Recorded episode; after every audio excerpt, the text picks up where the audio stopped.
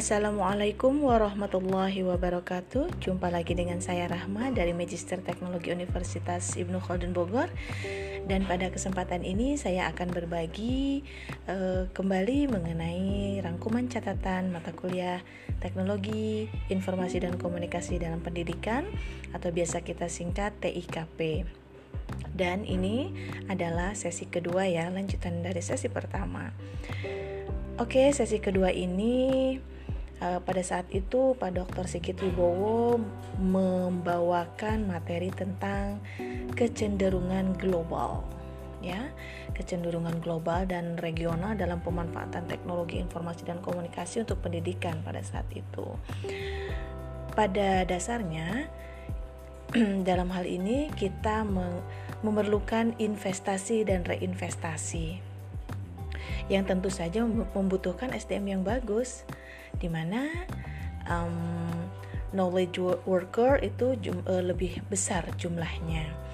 Dan ide pendidikan itu forward to future. Di dalam hal ini uh, adalah ada think uh, memikirkan kemudian ada learn mempelajari dan create membuat sesuatu Nah, dalam hal ini, di sini SDM yang diperlukan adalah SDM yang produktif, kreatif, dan berkualitas. Nah, makanya eh, pada saat eh, dulu biasanya digun, eh, apa diadakan eh, PKG ya, penilaian kinerja guru eh, oleh Kepsek di lembaganya masing-masing. Dan teori pembelajaran itu pada eh, lebih lebih ke resepnya e, seperti yang sebelumnya kita sudah ketahui ada learning theory ya e, yang berdasarkan terhadap behaviorism, cognitivism, kemudian constructivism dan connectivism. Nah, pada saat itu beliau me, mem, apa, mengemukakan salah satu permasalahan pendidikan yaitu adanya penyampaian pesan yang tidak tepat pada saat itu juga memaparkan solusinya bagaimana solusinya untuk mengatasi permasalahan pendidikan itu yaitu pengembangan metode kemudian sasaran terhadap anak yang kecerdasan belajarnya visual dan rekomendasinya adalah melibatkan teknologi atau TIK. Misalnya, ada pemutaran film-film berkualitas yang cocok untuk anak-anak. Ya. Tentu saja hal tersebut akan mengacu kepada strategi pembelajaran yang biasanya eh, apa yang kita pakai eh, adalah teori reglut di mana ada pengorganisasian bahan, ada delivery system, um, di mana uh, bagaimana kita menyajikan uh, sistem penyajian uh, dengan menggunakan media apa gitu ya. Kemudian ada pengolahan kelas yang dipengaruhi oleh karakteristik peserta didik tentunya, minatnya, kemudian motivasinya dan pasti dipengaruhi oleh uh, materi pembelajarannya di mana strategi pembelajaran tersebut uh, bertujuan untuk apa namanya harus di, uh, bertujuan untuk uh, mengatasi masalah pendidikan yang harus dilaksanakan secara efisien dan efektif atau efektif dan efisien. Efektif itu tentu saja harus ada indikatornya ya dalam arti harus tepat sasaran. Nah, sedangkan efisien, nah sumber daya yang dikeluarkan itu tentu saja tidak boleh terlalu besar. Tetapi teman-teman, pada saat beliau uh, pada saat itu juga memang beliau memaparkan mengenai uh, pemanfaatan teknologi informasi dan komunikasi untuk pendidikan sekarang ini sudah menjadi keharusan yang tidak dapat ditunda-tunda lagi. Ya, misalnya ada beberapa contoh pemanfaatan TIK untuk pendidikan dalam perspektif uh, global, regional dan nasional. Itu uh, dulu pernah beliau paparkan ada ASEAN Schoolnet, kemudian ada Edukas Edukasnet, Global Distance Education Net dan sebagainya.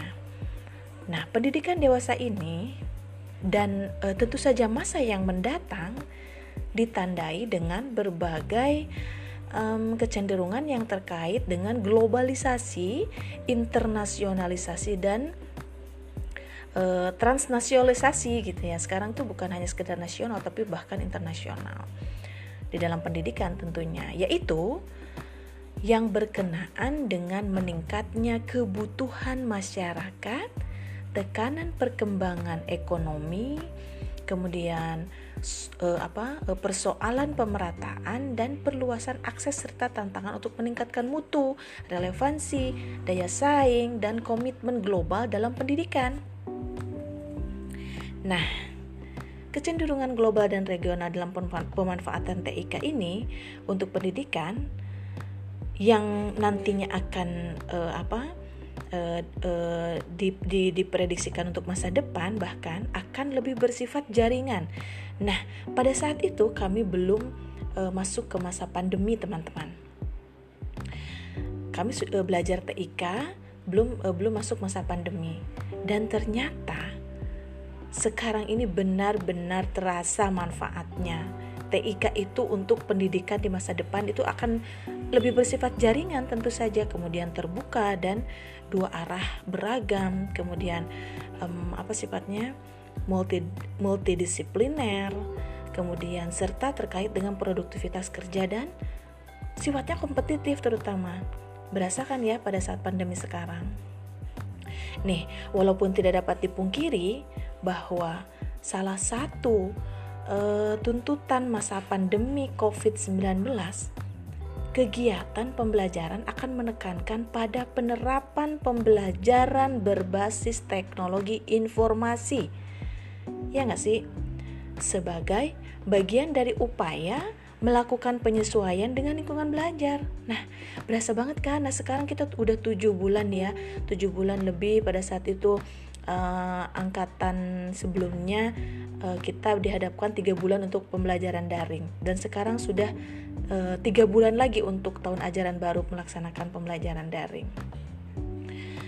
Nah, teman-teman, um, penerapan pembelajaran berbasis teknologi informasi itu sebagai bagian dari upaya melakukan penyesuaian dengan lingkungan belajar. Nah, itu adalah kalau sekarang itu banyak yang disebut dengan dengan uh, sebagai masa disrupsi yang minimal menuntut tiga hal kesiapan untuk melakukan penyesuaian, kemudian apa kesiapan untuk berubah dan kesiapan untuk berkompetensi. Nah, sesuai dengan yang diungkapkan oleh Kasali 2017 atau Warsita 2018. Nah, hasil penelitian nih e, menunjukkan realitas bahwa guru-guru PAUD turut terbebani secara finansial dengan kegiatan pembelajaran jarak jauh berbasis berbasis internet. Ya pasti ya. Karena pembelajaran seperti ini memang membutuhkan biaya yang tidak sedikit ya kemudian apa namanya uh, kita sudah memerlukan berbagai macam uh, mode media pembelajaran yang berbasis internet yang uh, membutuhkan teknologi ya dan dalam hal ini saya merasa cukup terbantu dengan apa mengikuti pem, e, mata kuliah ini. Karena apa? Ternyata aplikasi aplikatif sekali ya ketika masa pandemik ini itu semua dipakai. Kita tidak terfokus lagi kepada bahan-bahan ajar yang apa e, yang dulu dibuat ya seperti apa nah sekarang bahan ajarnya adalah memerlukan teknologi e, itu sendiri. Nah, dan dalam hal ini tentu saja kembali lagi kita memerlukan tenaga pendidik yang berkualitas yang dituntut untuk bisa mengembangkan media pembelajaran e, dengan baik yang bisa diterima e, secara menyenangkan, atraktif dan komunikatif untuk e, peserta didik ya. Oke teman-teman, um, itulah kecenderungan global yang uh, uh, dipaparkan pada saat itu dan sedikit dikaitkan dengan masa sekarang. Dan saya alami dan saya sangat bersyukur sekali uh, mengikuti mata kuliah ini sehingga kami uh, di lembaga bisa uh, lebih mengetahui uh, apa namanya uh, ke depannya itu seperti apa uh, memanfaatkan uh, teknologi informasi dan komunikasi yang tentu saja kita harus tetap uh, cenderung ke globalisasi internasional, nasional dan e, transnasionalisasi pendidikan ya, meningkatkan kebutuhan masyarakat, tekanan perke, apa, e, perkembangan ekonomi untuk memenuhi e, kebutuhan pembelajaran, kemudian persoalan pemerataan dan perluasan akses serta tantangan untuk meningkatkan mutu pembelajaran. Oke teman-teman, um, sekian dulu sharing dari saya untuk mata kuliah Teknologi Informasi dan Komunikasi dalam Pendidikan sesi 2. Insya Allah saya akan um, sharing kembali untuk mata kuliah tersebut di sesi yang ketiga. Terima kasih. Wassalamualaikum warahmatullahi wabarakatuh.